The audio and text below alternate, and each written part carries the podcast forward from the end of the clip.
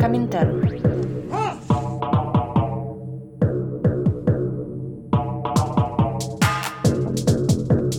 Berätta inte för mig om det svenska klassamhället. Jag har sett det. Jag har växt upp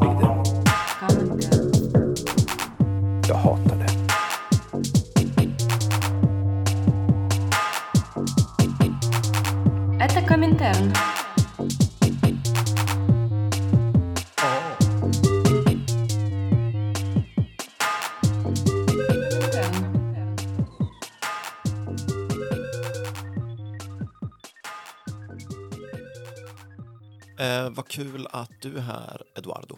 Mm, visst, kul att vara här. Det känns som att vi börjar varje avsnitt med att säga det är lite trött och avslagen stämning. Men det beror på att vi precis kommer ifrån tre dagars radikal bokmässa. Mm. Supertrevligt. Alltså så himla fint. Vad är era intryck? Alltså jag har ju um, liksom tagit olika pass och jobbat. Så jag har inte, det har inte varit någon kulturupplevelse för mig. Men som varje år är det ju socialt otroligt givande. Jag har sett ett föredrag och det var det om sport och vänstern. Det var väldigt bra. Eh, med eh, folk från PFF och Collective Effort. Det var superintressant faktiskt. Vi lanserade våra nya tröjor till allmän bejublan.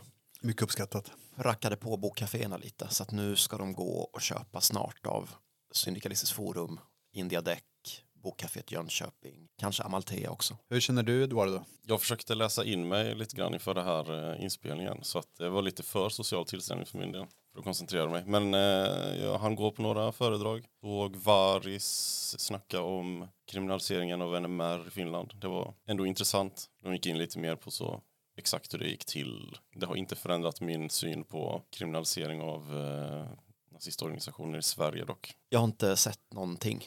Sett folk komma och gå. Mycket gäster. Otroligt god mat, måste jag säga. Det är punkrytornas tid är verkligen förbi. Eh, vi sitter ju här med Eduardo därför att den japanska akademikern Kohei Saito eh, skrev en bok förra året. Marx in the Anthropocene, sa jag det rätt? Mm. Towards the idea of degrowth communism. Och som ofta med eh, akademiker som ger ut smala böcker om Marx så ansågs det att den skulle bli en flopp i Japan.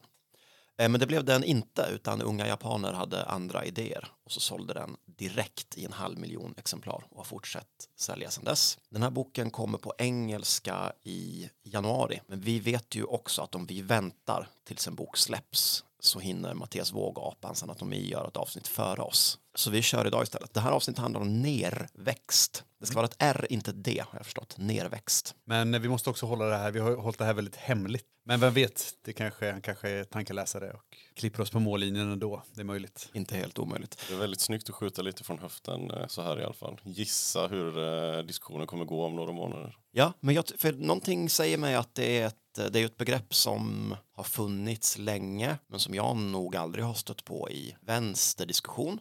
Det har nog funnits i miljörörelsen, kanske inte begreppet har jag nog stött på tidigare, men, men idéerna om den här ständiga tillväxten, är, det går inte, det funkar inte. Så man måste liksom ha något annat istället. Känns det inte som att den delen av vänstern som kanske har talat mest om saker i det här området är de som talar om eh, medborgarlön och sånt där? Någon slags eh, inom kapitalistisk eh, förändring av samhället, liksom någon slags ny socialdemokrati. Ja, det och radikala miljöaktivister skulle jag säga. Som ändå har, men så här, ekoanarkister och den eh, strömningen liksom skulle jag säga har haft de här idéerna på. Men nu kanske det bryter loss och blir mainstream. Ja, men jag tror det. I- Dels i takt med liksom accelererande klimatkamp men också mergandet av någon slags eh, radikal vänster och radikal klimatrörelse. Så förutspår jag att nerväxt är, är begreppet och kravet för 2023. Och det ska vi försöka reda ut den kommande timmen. Vad är det och vill vi ha det? Ska vi säga något om personen först? Ja, jag tänkte ju att man kan beskriva eh, Kohei Saito lite som en Japans Andreas Malm fast med större räckvidd. Det, det är ju intressant det här med eh, den här försäljningssuccén och att det lite grann har eh, det tvingade bokhandlare att så, eh, upprätta nya hörn i eh, butikerna om den återuppståndne Marx så att eh, kidsen började läsa marxistisk ideologi igen. Eller ja, kidsen, men eh, troligtvis unga vuxna som har varit arbetslösa under corona ungefär. Eh, för den kom ju liksom under eh, corona och då folk liksom var less eh, mer eller mindre i största allmänhet. Man kan väl säga att budskapet i den boken eh, som eh, blev en försäljningssuccé är väl kapitalismens krav på obegränsad profit håller på att döda planeten och att bara nedväxt kan lösa problemen genom att sakta ner produktion och dela på rikedomar. Och det som han gör är väl egentligen att försöka fånga in eh, nedväxtbegreppet och ge det en kommunistisk prägel eh, eller en marxistisk intellektuell eh, prägel. Det sker väl lite grann i en, eh, ja, men i en vänstermiljö och i en klimatrörelse där eh, nedväxt kanske har sett ganska mycket som ett så, ja, men smyg, någon smygliberalism eller någon, en möjlighet att bevara kapitalismen eller att försvara rikedomar och privat egendom snarare än att liksom omkullkasta det. Så att han, eh, Saito tar liksom, eh, utgår ifrån det som Marx skriver om ekonomi men också så eh, alienationsteori och så. Eh, och snackar om systemskiften och eh, ekosocialism. Det är också titeln på en av hans tidigare utgivna böcker som finns på engelska. Eh, Karl Marxes eh, Ecosocialism. Den har jag bläddrat lite grann i, eller jag har läst eh, de första kapitlerna. Jag har inte hunnit eh, gå igenom allting, men eh, den eh, är en sorts så marxistisk debattbok som man väl eh, säga, som fokuserar på vad Marx skriver och vad, han, vad hans anteckningar innehåller om, eh, ja, men, den politiska ekonomin och om ekologiska frågor. Han vill väl vända lite grann synen på möjligheterna att i kommunistiska ekonomier agera eller eh, ha en eh, ekologisk eh, ekologiskt centrerad ekonomi. Eh, Saito menar att Marx länge felaktigt har anklagats för att förespråka någon sorts obegränsad dominans över naturen, vilket är så, eh, det som man återkommer till hela tiden.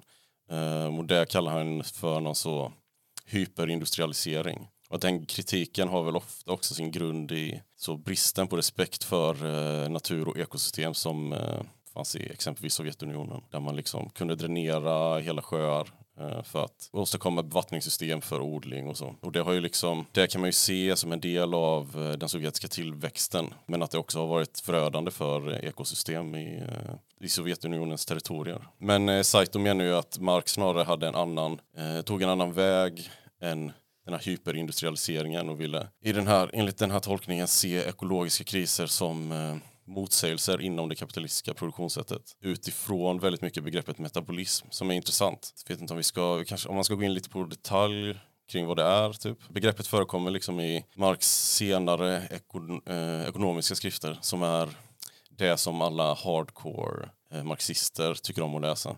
Sen alla fjantar och humanister läser ju den unga Marx. Då. Alltså kapitalet.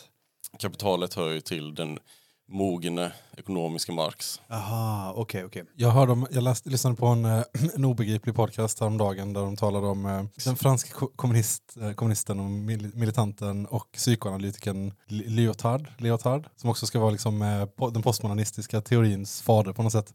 Och han har en teori om Marx som menar att det finns två det finns två Marx, inte den mogne och den unge Marx utan Old Man Marx och Little Girl Marx.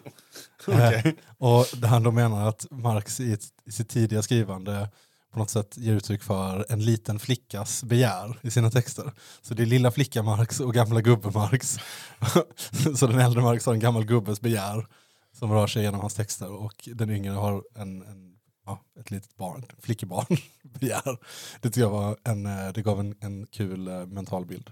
Alla flickebarns inneboende önskan om att läsa väldigt mycket Hegel. Jag tror att den unge Marx eh, återupptäcktes väl eh, någon gång på så i början av 1900-talet eh, eller så 1920-30-tal. Eh, och att det var då som man kanske började prata lite mer om, eller man kunde börja prata om så, ja men alienationsteorin om hur vi blir förfrämligade från vårt arbete och varandra och eh, det kan man också knyta till så alienation från naturen. Men det hör ju liksom till en, ja men det som eh, ex, äkta markskallar skulle kalla idealism. Liksom. Men det motsäger heller inte riktigt innehållet i den ekonomiska eh, filosofin. Eh, och så. Men det begreppet metabolism är ju, på tyska är det stoff växel, vilket jag tolkar som typ utbyte av materia ungefär. Det är liksom ett begrepp som påminner, det är i stort sett ekologibegreppet. Det myntades på 1940-talet och handlar liksom om eh, studier av levande organismer som kemiska processer, mer eller mindre. Att individer använder energi, eh, andra levande organismer och att hela den globala interaktionen mellan de här systemen är en del av den globala metabolismen. Eh, så att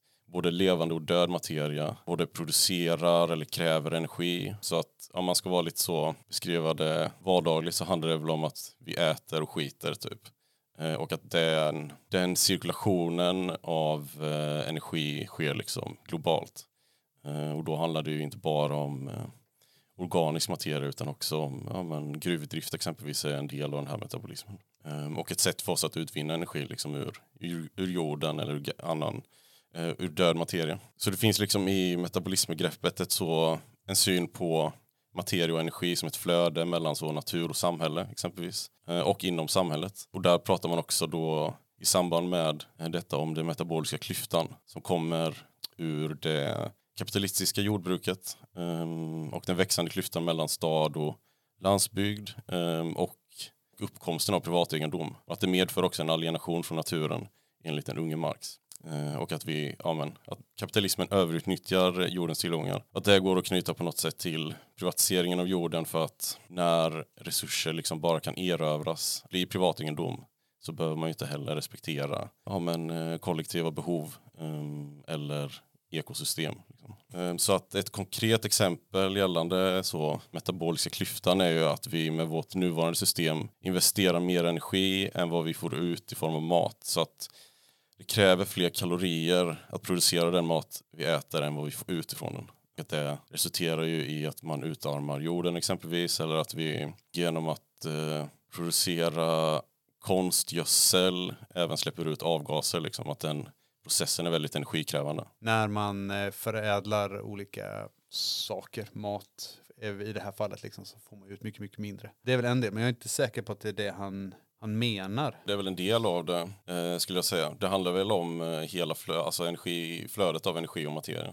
Eh, så att det ingår ju lite grann i det. Och, eh, liksom utsläpp i samband med att man förbränner fossilbränslen är också en del av den här metabolismen. Liksom. Det är ju bara det att den energi, vi använder energin och sen så släpper man ut avgaserna i form, eller det är ju liksom bara skräpet som vi lämnar efter oss eh, i stort sett. Fast till skillnad från liksom skräpet som man skiter ut så går det inte att återanvända avgaserna till någonting produktivt. Typ. Ja, men för att det är någonting som har legat begravt i Alltså det är ju död, alltså olja är död materia som har legat begravt under väldigt lång tid. Jag tycker det är intressant, han eh, som uppfann konstgödslet, eller han var en tysk, eh, en tysk kemiker, som, eller kemist heter det, en tysk kemist som, eh, som först uppfann konstgödsel och det var en sån så här, "Haha, vi har, kan göra bröd av luften liksom. Jag tror det var en slogan som man använde ganska flitigt. Segelskiftet, 18-1900. Så han blev liksom hyllad för att liksom kunna, helt plötsligt så kunde man få gödsel så att man kunde liksom, eh, fördubbla, mångdubbla liksom, produktionen av jorden. Och sen så blev det krig, första världskriget bryter ut och han blir, eh, han var ju tysk liksom, så han bara okej men jag ska gå in i krigsindustrin då för, för Tysklands sida. Och är den som utvecklar eh, stridsgas. Han, Snacka om att blanda och ge. ja verkligen alltså. Det finns, helt, det finns ett fint Radiolab-avsnitt av honom. En riktigt obehaglig så, beskrivning av eh, när, de, när de släpper lös. Minns inte vilken gas det är, om det är sarin eller vad det nu är. Gräset, alltså så här, fåglarna bara faller döda ner på, från himlen och typ all, alla växter blir så här krom, blir så kromade och sen börjar folk så kräkas och få kramper och liksom bara dö runt omkring. Det är sånt som får en eh, att bli så Men du har läst Eco-socialism-boken. Eh, förekommer ordet degrowth, nerväxt där? Ja, det är möjligt att han eh, knyter an till det, men inte i liksom läsningen av Marx på något sätt, utan det, eh, det är det som jag misstänker att han gör i den här eh, boken eh, som ska komma nu i, i nästa år. Att försöka knyta ihop den ekosocialistiska synen med eh, degrowth-begreppet på något sätt. All, eller allmänt på antikapitalistisk grund. Eh, liksom. Men jag tror att han grundar mycket mer i läsningen av, av Marx som så, ja, akademiker. Liksom.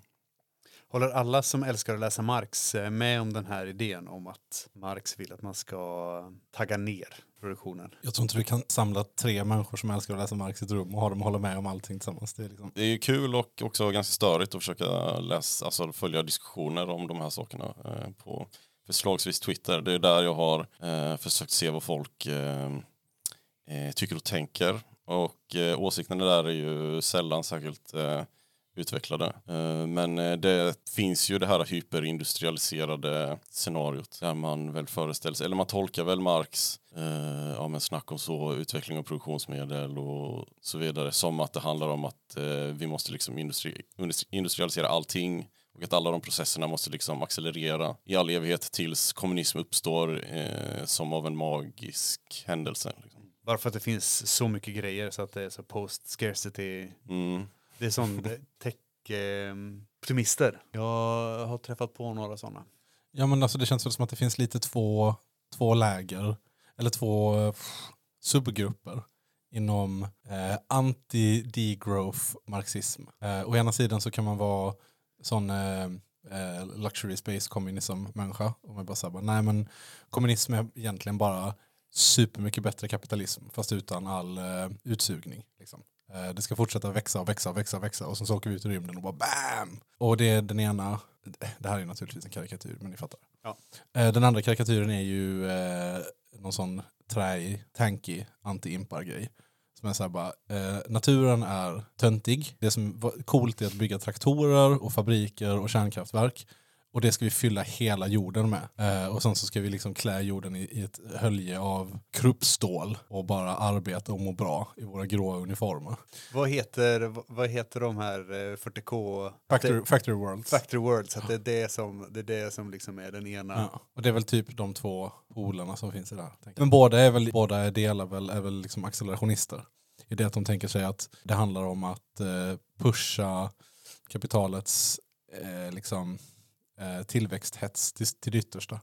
Och sen så kommer, då ett, så kommer det mer eller mindre deterministiskt uppstå en, en revolution inom produktionsmedlen. Tänk att vi borde säga någonting mer om själva ordet kanske. Alltså vad betyder egentligen nerväxt? Man förstår att det innebär motsatsen till tillväxt, men hur åstadkommer man det då? Någon som har läst en recension och lyckats lista sig till vad Saito föreslår i sin kommande bok. Alltså det är det här jag tycker är lurigt, därför att rätta mig om jag har fel, men är liksom inte hela grundpremissen för kapitalismen att det hela tiden måste ske tillväxt? Alltså det måste, hur liten den än är, så måste det varje år ske en liten tillväxt hela tiden. Och det kan, en, det kan ta paus från det, det det kan vara en kris några år. Eh, att tillväxten helt och hållet skulle stanna av är som att en haj skulle sluta simma. Liksom. Då kan inte kapitalismen överleva. Den är byggd på att det hela tiden är någon form av tillväxt. Och det är ju en av de rimligaste grundkritikerna mot kapitalismen. Att, alltså tillväxten är baserad på i grund och botten materiella tillgångar, alltså, det vill säga naturresurser, och de håller på att ta slut. Och när de gör det, då kommer vi vara tvungna att byta till något annat sätt och organisera samhället, vare sig vi vill eller ej.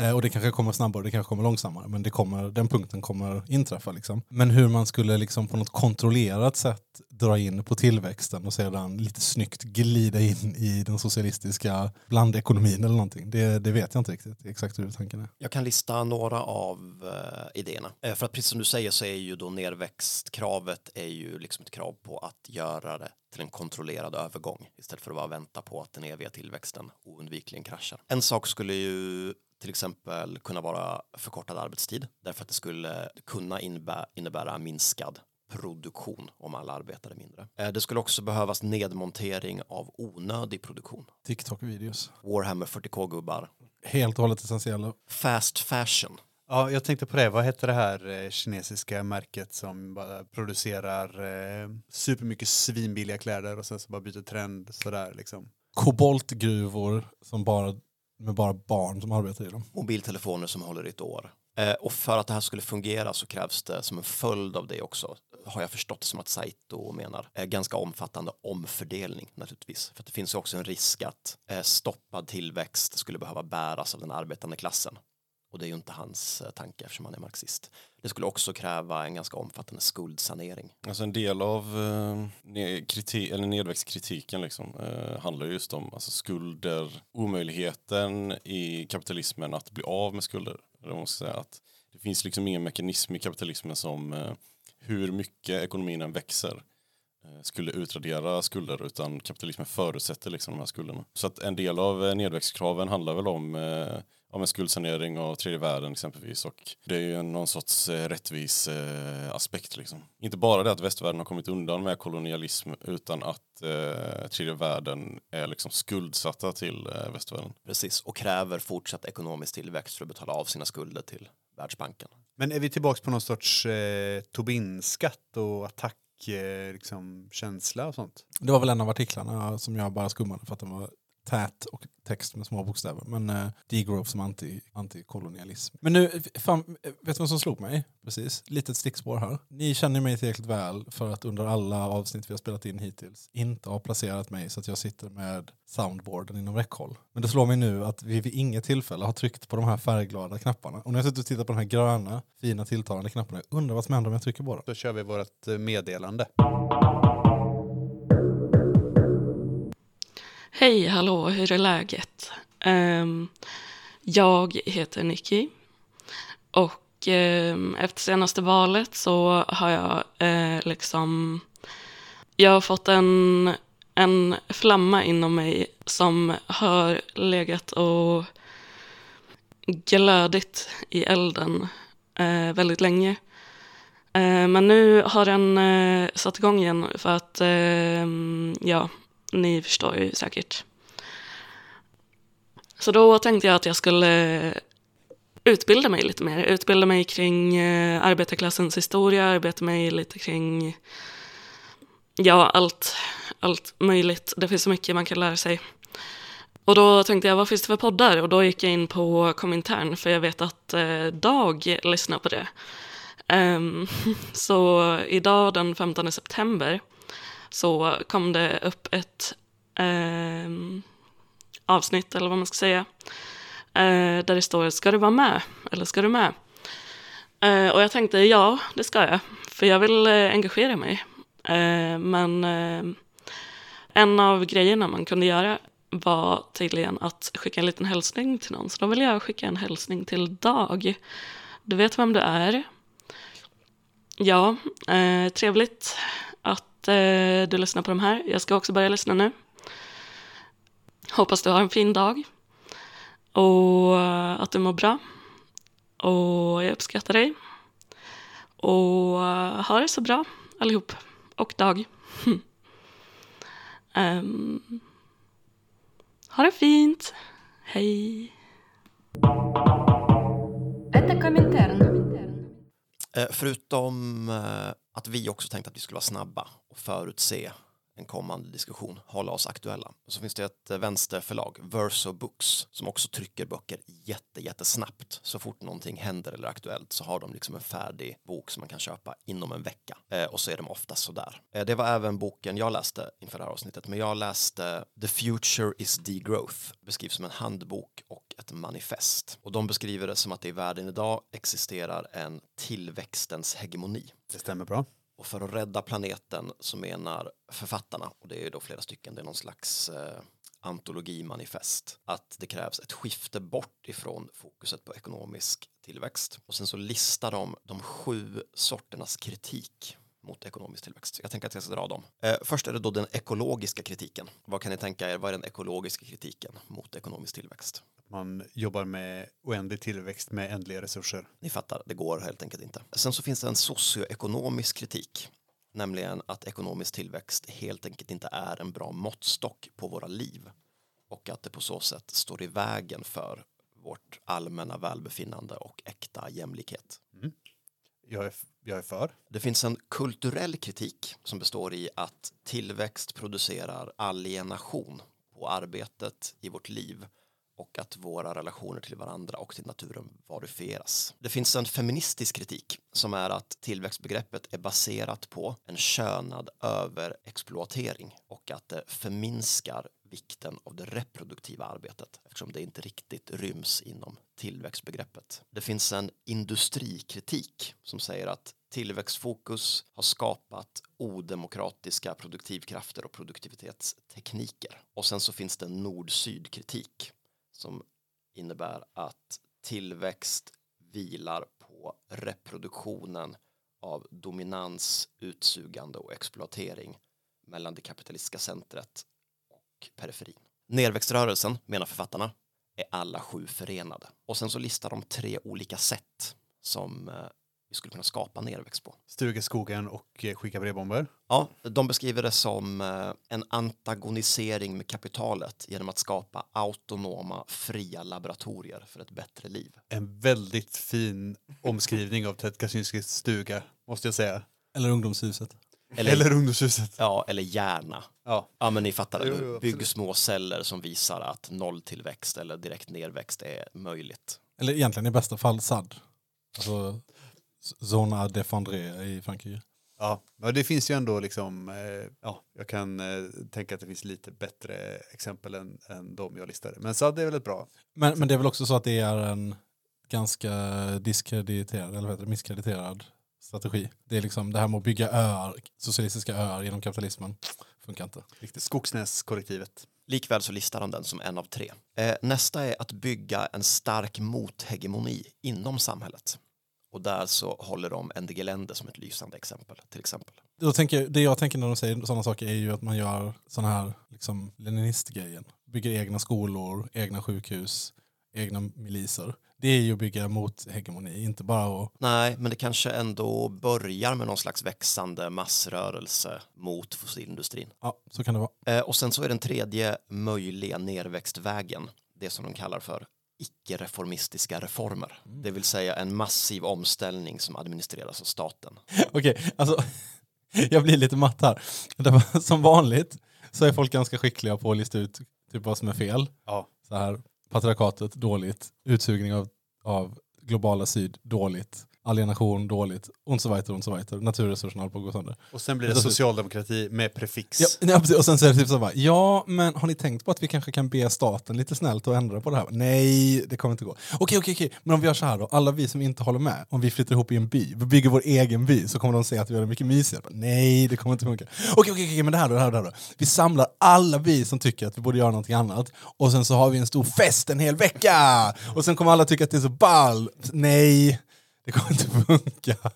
Hallå? Nej, ni noterar kanske också alternativet som saknas, alltså det våldsamma omstörtandet av de existerande förhållandena. Som ju är det enda som har lyckats hittills. Man får tycka vad man vill om det, liksom. men det är ju bara det som har lyckats. Ja. Eh, Det här var ett fruktansvärt eh, torrt och tråkigt Eh, manifestet tycker jag inte ni ska läsa om ni inte är jätteintresserade. Men jag, jag tänker ändå att för mig som inte var superbekant med nerväxtbegreppet så gav det någon slags liten överblick. Så här. Vad jag tar med mig är att, att jag tycker det, min farhåga innan jag läste var kanske att nerväxt skulle vara primitivism. Men där tycker jag både att manifestförfattarna och som jag har uppfattat Saito att de är väldigt tydliga med att det här är nerväxt, slutet på tillväxt betyder inte slutet på utveckling. Det betyder inte en återgång till medeltidens levnadsstandard utan det är väl hela tiden den, ja, men så här, en springande punkt är väl vem måste vänja sig vid mindre och av vad. Nej, jag var lite osäker när vi gick in i det här avsnittet men nu har jag bestämt mig för att det här är precis som Tor säger. Det här är socialdemokrati eh, med lite strössel. Så radikal socialdemokrati på, från 20-talet av klassiskt snitt. Vi ska försöka montera ner den här kapitalismen steg för steg, sakta men säkert tillsammans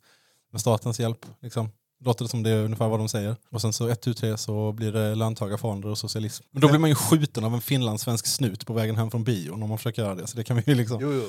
Alltså jag är inte för liksom någon sorts grön socialdemokrati heller. Liksom. Det känns ju som, på samma sätt som jag är lika lite för någon sorts eh, liksom, cybersocialdemokrati som vi pratade om i, i eh, kaliforniska ideologidelen av förra avsnittet. Men tydligt är ju att alltså, problemformuleringen är ju korrekt. Liksom. Det går inte att hålla på med, med oändlig tillväxt med ändliga resurser. Det är omöjligt. Liksom.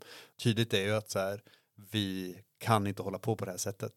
Nej, och då kanske det är lite salt kan jag tycka att låta författarna av den här, det här ganska sopiga manifestet liksom bestämma över nerväxtbegreppet. Vi kanske ska vänta in Saitos bok till exempel. Jag tror att vi kommer behöva återkomma till, jag tror att vi kommer behöva återkomma till och prata miljö ganska mycket. Jag, jag har läst mycket och lyssnat mycket på folk som resonerar kring historiska kollapser i veckan. Alltså det finns ju den här, det finns liksom den kända historiska epoken eh, bronsålderskollapsen.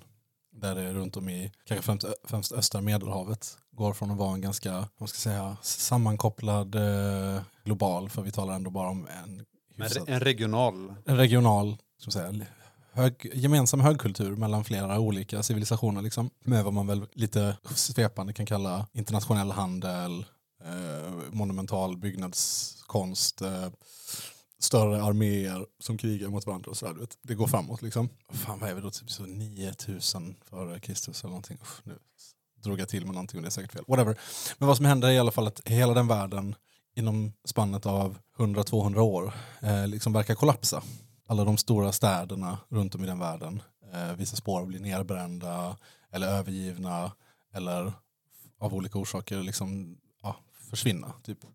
Man räknar med att delar av Grekland förlorar någonstans mellan 50 och 60 procent av sin befolkning i, inom loppet av jag vet inte vad det är, 100 år eller någonting. Eh, och då talar ju naturligtvis eh, eh, arkeologer och historiker mycket om vad man ska, vad man ska kalla det här, den här, det här händelseförloppet. Och vad man landar på då är kollaps. Eh, men naturligtvis så är ju inte det finns ju naturligtvis människor, massa människor som tjänar på kollapsen och mår bättre av den. Och bara för att de rikas palats brinner ner så betyder inte det att det är jättedåligt för vanliga människor som bor på landsbygden och så vidare. Och så vidare. Nu verkar det ändå som att det var skit för de flesta att vara en del av den här historiska processen.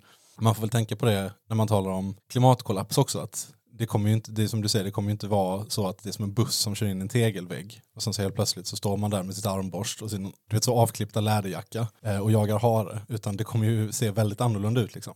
Kanske framförallt så kommer det handla väldigt mycket om migration och förflytta sig till olika platser och sånt där. Ja, precis. Det beror ju lite på ur vilket perspektiv vi ser det, eller hur? För vissa har det redan kommit som en, en buss in i en vägg. Ja, absolut. Såklart. Man ska inte förminska folks... Eh, men, jag menar, när jag säger som, vad jag menar med buss i en vägg så menar jag att det för hela jordens globala befolkning så vaknar man en morgon och så är det helt annorlunda. Utan det kommer ju vara fläckvis, stötvis, eh, ojämnt fördelat, ryckigt fram och tillbaka, perioder av stabilitet som löses av en period av instabilitet och osäkerhet och sådär. Det som vi inte riktigt har eh, varit inne på ännu är ju, är ju det här BNP-begreppet som är egentligen det som nedväxten handlar om. på något sätt. Alltså det allmänt vedertagna måttet på ekonomisk tillväxt. Ja, precis. Det är väl liksom, eh, nu eh, diggar inte jag ekonomi, men eh, kortfattat kan man väl säga att det handlar om den totala konsumtionen av varor och tjänster i ett land och att det är den tillväxten som man mäter. Eller att säga att nedväxt handlar om BNP är väl kanske lite falskt. Eller det handlar inte om att man ska sänka BNP utan om att BNP egentligen kommer att sänkas när man vidtar vissa åtgärder som kommer vara nödvändiga. Så om man, om man mäter eh, eh mänsklighetens eh, totala framgång i BNP så kommer ju BNP att gå ner vare sig det sker genom en eh, klimatkollaps eller genom ett så rationellt och medvetet ekosocialistiskt eh, styre. Liksom. Det, nu slog det mig en sån hemsk eh, att så här, hur mycket av hur mycket av BNP-stegring är att man gör eh, tjänster av mellanmänskliga relationer? Det är nog väldigt mycket, eh, alltså, det beror på var i världen du är. Men generellt så är det väl så att ju mer, liksom, nu är det hartassarna fram här, utvecklade ekonomin är, desto mer är det en tjänsteekonomi. Och desto mer tjänsteekonomi du har, desto mer handlar det om att ta en hunka för att göra någonting som man borde göra för att vara schysst. Men allt det där, allt det där är ju socialt styrt. Liksom. Jag, man betalar ju för en taxiresa. Men egentligen kan man ju bara tycka att man borde kunna stanna vilken bil på stan som helst och säga, kan inte du köra en sväng om hissingen. Liksom. Att, att ha något sorts organiserat liftande. Liksom. Ja, men att man bara har ett samhälle där det framstår som helt naturligt att om man ser någon som står med en tumme på gatan så bara stannar man och plockar upp dem. Eller ser om man ska åt samma håll i alla fall. Vad som borde vara bara normal mellanmänsklig eh, liksom, interaktion. Den kan ju förskjutas, den flyttas ju fram och tillbaka hela tiden. Och det är väl en del av klasskampen. Liksom. Apropå den här diskussionen om BNP och om eh, klasskamp så landade det en, eh, en debattartikel i GP i knät på mig häromdagen. Eh, skriven av poddens vän Johan Alfonsson med rubriken Klimatkrisen kräver ett utmanande av vår bild av lycka. Jag tänkte jag skulle läsa slutet på den. Johan skriver i vårt samhälle står strävan efter evig tillväxt över allt annat. Allas beteenden måste förhålla sig till målet. Samtidigt är det uppenbart att tillväxtsträvan också är roten till klimatproblemen. Tillväxt skapas genom produktion. Utan produktion inga jobb. Utan jobb inga pengar. Utan pengar ingen konsumtion. Och utan konsumtion ingen tillväxt. Tillväxtmålet gör att våra liv måste följa konsumtionens väg. Och för att förändra strukturen krävs ett samhälle där nya hjulspår körs upp och där lycka, livsmöjligheter och njutning inte springer ur konsumtion. En värld där ett gott liv kan skapas bortom tillväxten. Bornemark, och här refererar Johan eh, till någon debatt som jag inte har följt så jag vet inte vem Bornemark är, hävdar att kulturförändringar inte kan komma utan smärta och ångest. Jonsson, återigen en person jag inte vet vad den har skrivit, att den kräver individuella uppoffringar som påminner om andra världskrigets ransoneringstid. Men är det inte rimligare att sträva efter motsatsen? Borde inte det samhälle som hägrar bortom klimatkrisen locka med ökad njutning och minskad existentiell smärta? Istället för att se vägen bort från klimatkrisen som en ökenvandring fylld av asketism, begränsningar, bör mänsklig frigörelse och vidare livshorisonter stå i centrum. Målet måste ju vara ett samhälle där produktionen syftar till att tillgodose mänskliga behov av till exempel hälsa, fritid och gemenskap snarare än den meningslösa tillväxten. Och ett sådant samhälle där varken tillväxtkrav eller konsumtionshets styr behöver inte kräva ett begränsat liv utan tvärtom så kan det lägga grunden för ett rikare. Det var ganska fint.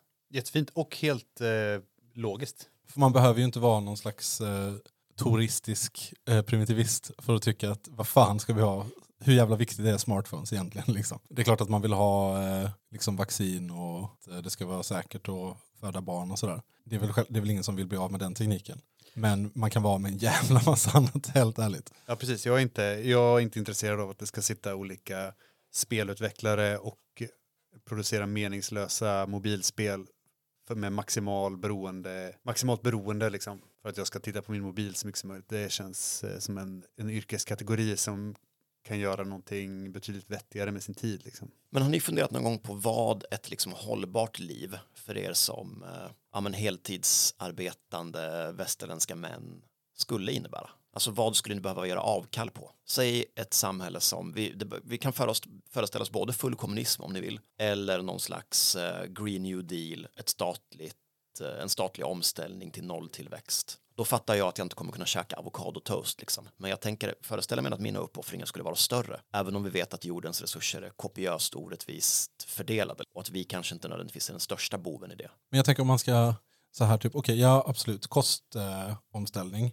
man får äta lite tråkigare kost, eller inte Det tråkigare, som man får, finns, Precis, där, man får äta man vad- kan odla där, det man kan odla. Precis, och man får göra, och man kanske liksom inte, du vet, kött käkar man på jul. Typ. Eh, det känns väl inte, nej nu skakar jag lite så upprört på huvudet. Nej, det gör man inte. Eh, Men det kanske man inte gör, man kanske inte äter kött längre.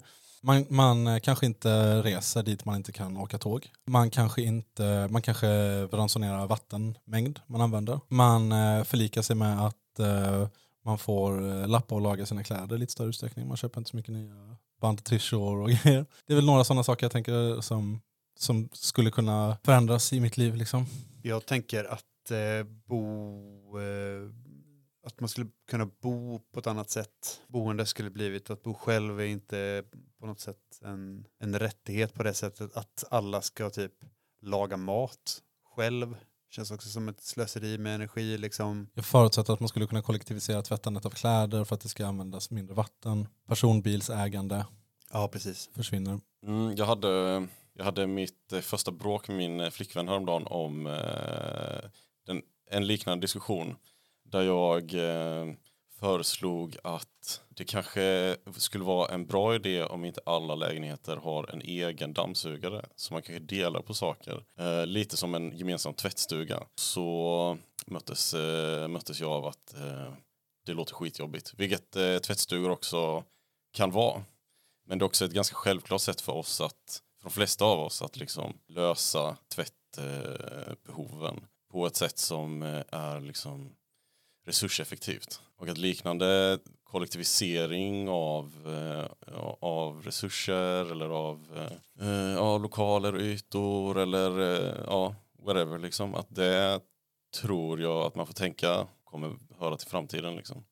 Eh, på ett sätt som inte på något sätt är liksom knutet till nuvarande så delningsekonomi där man liksom hyr saker utan att man faktiskt äger saker tillsammans. Fy fan vad dystopiskt om nolltillväxtsamhället är ett Jepster-samhälle. Men det finns ju faktiskt, eh, Peter Fraser har skrivit en asbra bok i min mening, eh, For Futures. Fyra framtider. Mm. Där, eh, där liksom radar han ju upp olika tänkbara framtidsscenarier beroende på eh, vilken, vilken väg som så ekonomin tar och vilka politiska system som kan uppkomma. Och där är ju liksom rentism en sån situation som vi kanske i viss mån är på väg in i. Alltså att människor eh, äger mindre och mindre men att vi hyr saker av företag.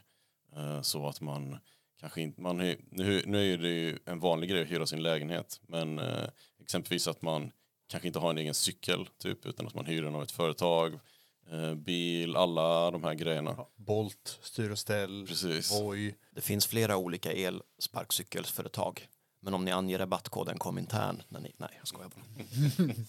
alltså jag tänker, ni, ni är inne på bostäder till att börja med och då har vi ju talat lite om cementindustrin i den här podden. Alltså att det är befängt, kanske sättet som man bygger bostäder på Och också att det finns ganska många hus till exempel. Alla kanske inte kan bygga nytt hus. Jag tänker också på de saker ni säger om att tvätta i tvättstuga, om resor och sånt där. Alltså, de är ju så, det som gör det praktiskt eller opraktiskt, det är så himla mycket en fråga om tid. I en annan typ av samhälle så skulle kanske inte det viktigaste med min långresa vara att komma dit inom loppet av tre timmar. Utan då skulle jag kanske få ställa in mig på en, på en längre tågresa. Tvättstugan är inte skitjobbig heller egentligen.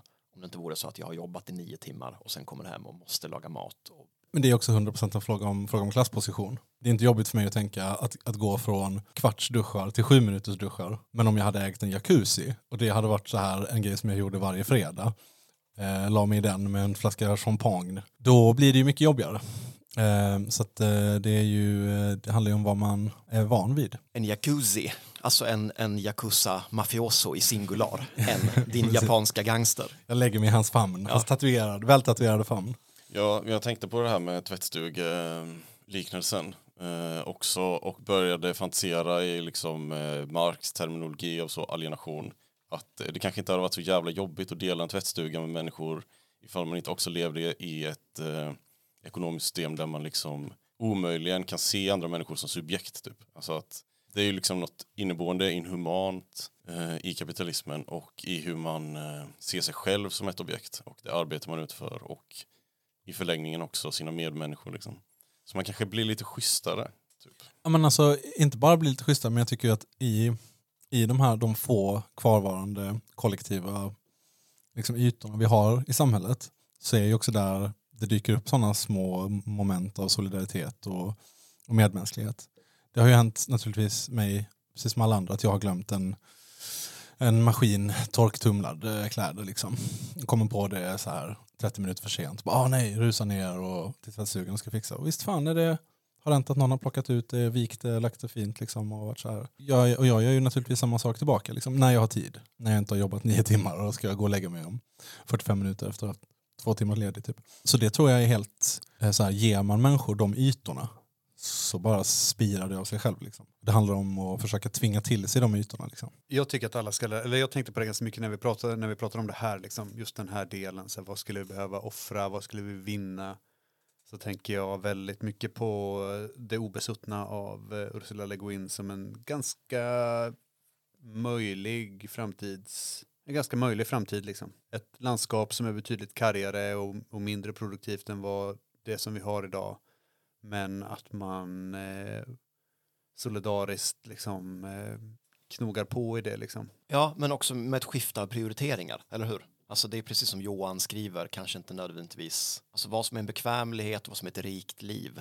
Det är ju någonting som man kan fundera ganska länge på. I de här diskussionerna så kan man ju också, eller jag tror man ska ha i åtanke liksom det här eh, sociala sociala, sociala eh, jag tror man ska ha i åtanke att nedväxtrörelsen och hela diskursen kring det här handlar ganska mycket om möjligheten att leva ett rikare liv och att egentligen så är ju målet att människors livskvalitet inte heller ska gå ner. Liksom. Däremot så finns det ju givetvis klasser av människor som eh, inte behöver existera. Alltså en stor del av eh, jordens resurser bränns, förbränns ju liksom av en väldigt liten del av befolkningen. Och att de uppoffringarna Eh, som kommer att krävas är kanske inte först och främst våra uppoffringar som pöbel. Men eh, det som man vinner är väl ett, eh, ett socialt liv. Eh, Saito skriver lite grann om det i, i den här boken som jag läst. Om kommunismen som det sanna sociala livet. Liksom. Det är där på något sätt som människan blir en, en sann social varelse igen. Eh, för att vi faktiskt kan leva tillsammans och eh, Kanske igen, kanske för första gången. Liksom, det beror lite på vad man har för historiesyn. Vilken marxläsning man gör. Ja.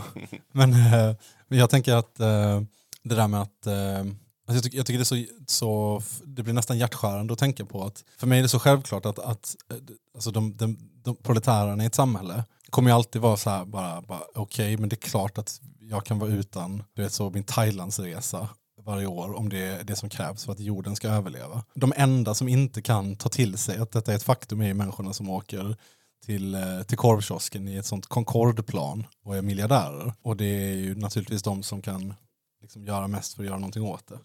Jävla rikingar ska alltid hålla på och sabba. Liksom. Och det är samma sak alltid. I all, all, oavsett liksom ekonomisk eller social fråga så finns det alltid liksom den diskursen som månglas ut uppifrån. Att människor är så här i gemen, är så här snåla, ser bara till sitt eh, lever bara sina egna små liv, eh, vägrar att släppa ifrån. Men så vet man att så är det ju inte alls. Alla, alla man känner är ju verkligen så här bara, ah det känns jättejobbigt det här med klimatgrejen, kan inte någon bara förbjuda skinkpålägg? Liksom även, även vi som inte är vegetarianer. Men så finns det då de härskande klasserna som sitter där och tjänar pengar på industriell slakt och allt vad det är. Jag såg en, eh, någon grej med, är ni bekanta med Logan Paul? Killen vars som slår olika avdankade MMA-fighters på, på truten i boxning. Hans brorsa i alla fall.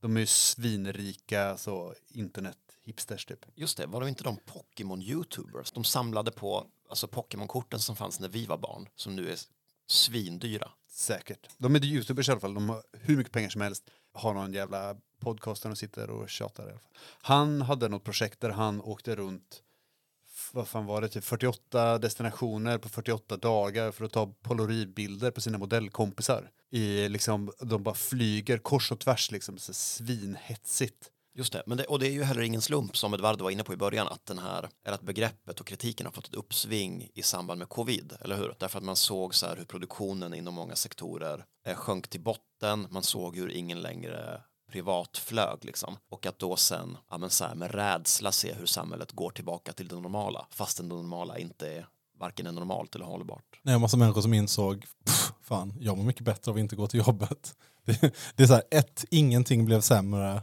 av att jag slutade göra min arbetsuppgift. Två, jag mådde mycket, mycket bättre personligen. Behöver det verkligen finnas reklamare? Det kanske vi kan klara oss utan. Just det. Eh, Vi, måste strax börja runda av, men jag tänkte ändå fråga er så här, för att det låter som att vi är överens om att ja, men så nerväxt är de facto inte bara bra utan nödvändigt, Och oundvikligt. oundvikligt. Men tycker vi då att begreppet är bra? Är det användbart och på vilket sätt? Alltså jag, jag gillar ordet. Det känns som en så här, jag gillar ordet. Då. Varför? När kommer du använda det?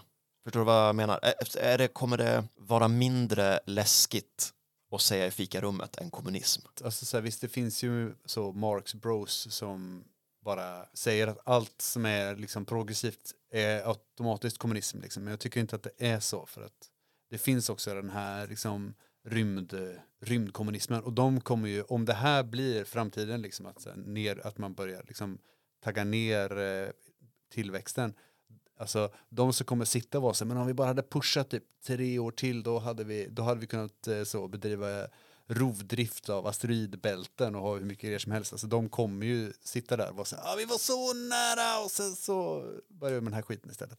Bra begrepp som bara en, en ren antagonist till tillväxt liksom. Ja, men jag tror, jag tror att det finns ett värde i det som begrepp och lite grann som ett sätt att eh, kanske tänka sig en framtid på något sätt.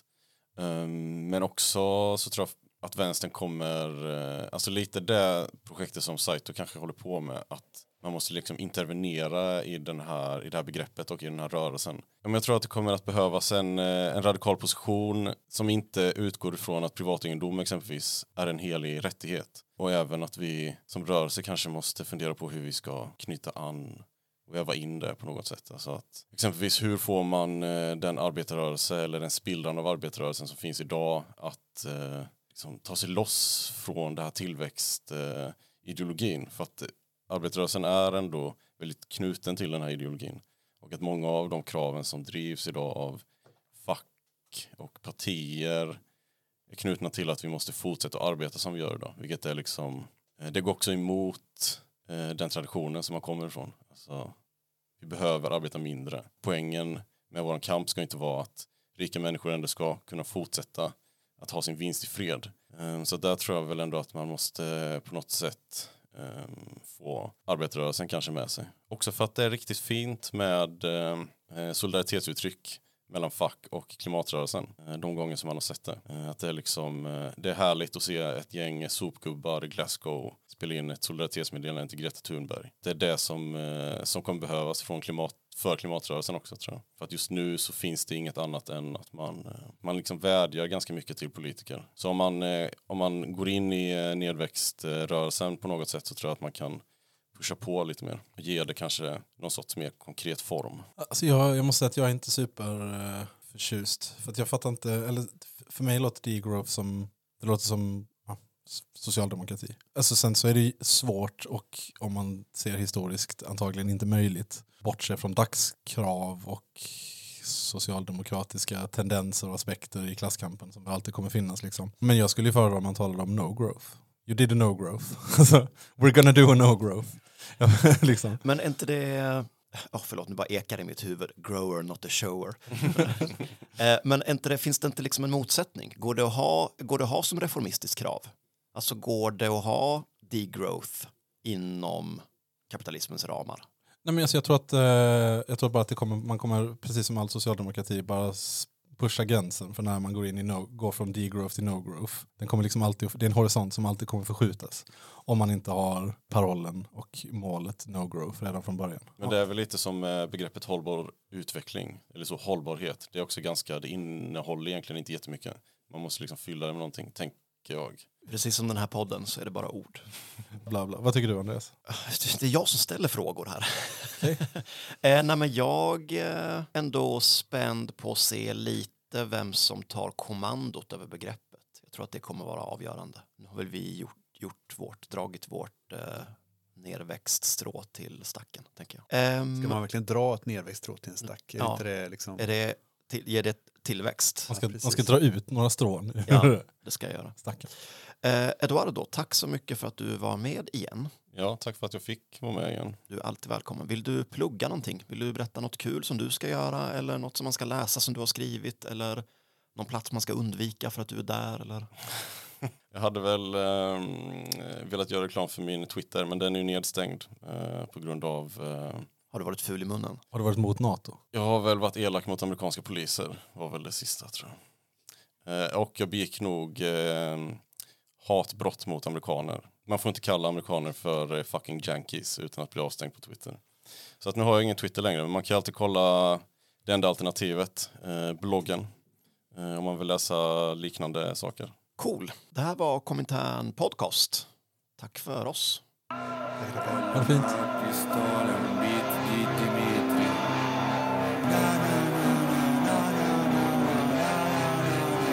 Dicono bang bang bang, gli amici della gang sono in guerra come il CE, siamo pronti per uscire, sparo pure a Tex, MK23, punto tutto su di te, in silenzio come il Tibet. Fanno bang bang bang, gli amici della gang sono in guerra come il CE,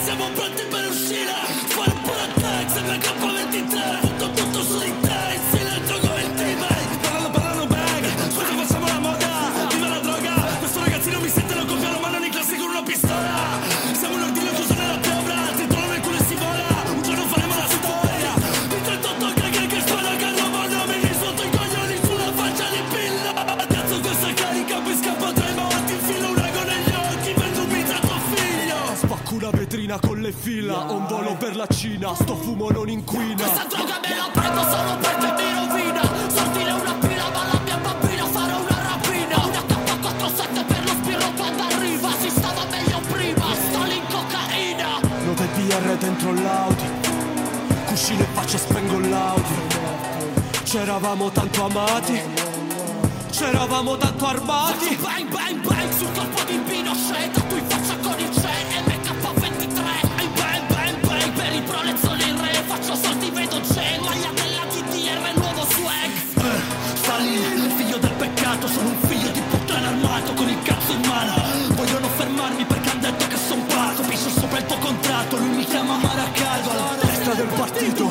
dentro al frigo, sono il dittatore, mangio il tuo bambino, sono un terrorista innervosito, analfabeta clandestino, pensa se fossi ricco.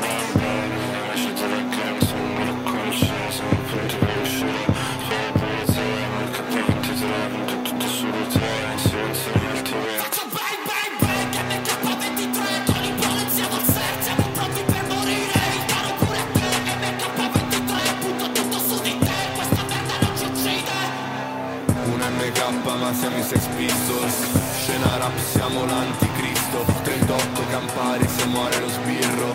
Fasce infami fanno fritto misto. Vediamo cose che non hai mai visto. Un altro pezzo prima del disco, un altro magistrato su chi l'ha visto. Fasce infami fanno fritto misto, fritto misto, misto.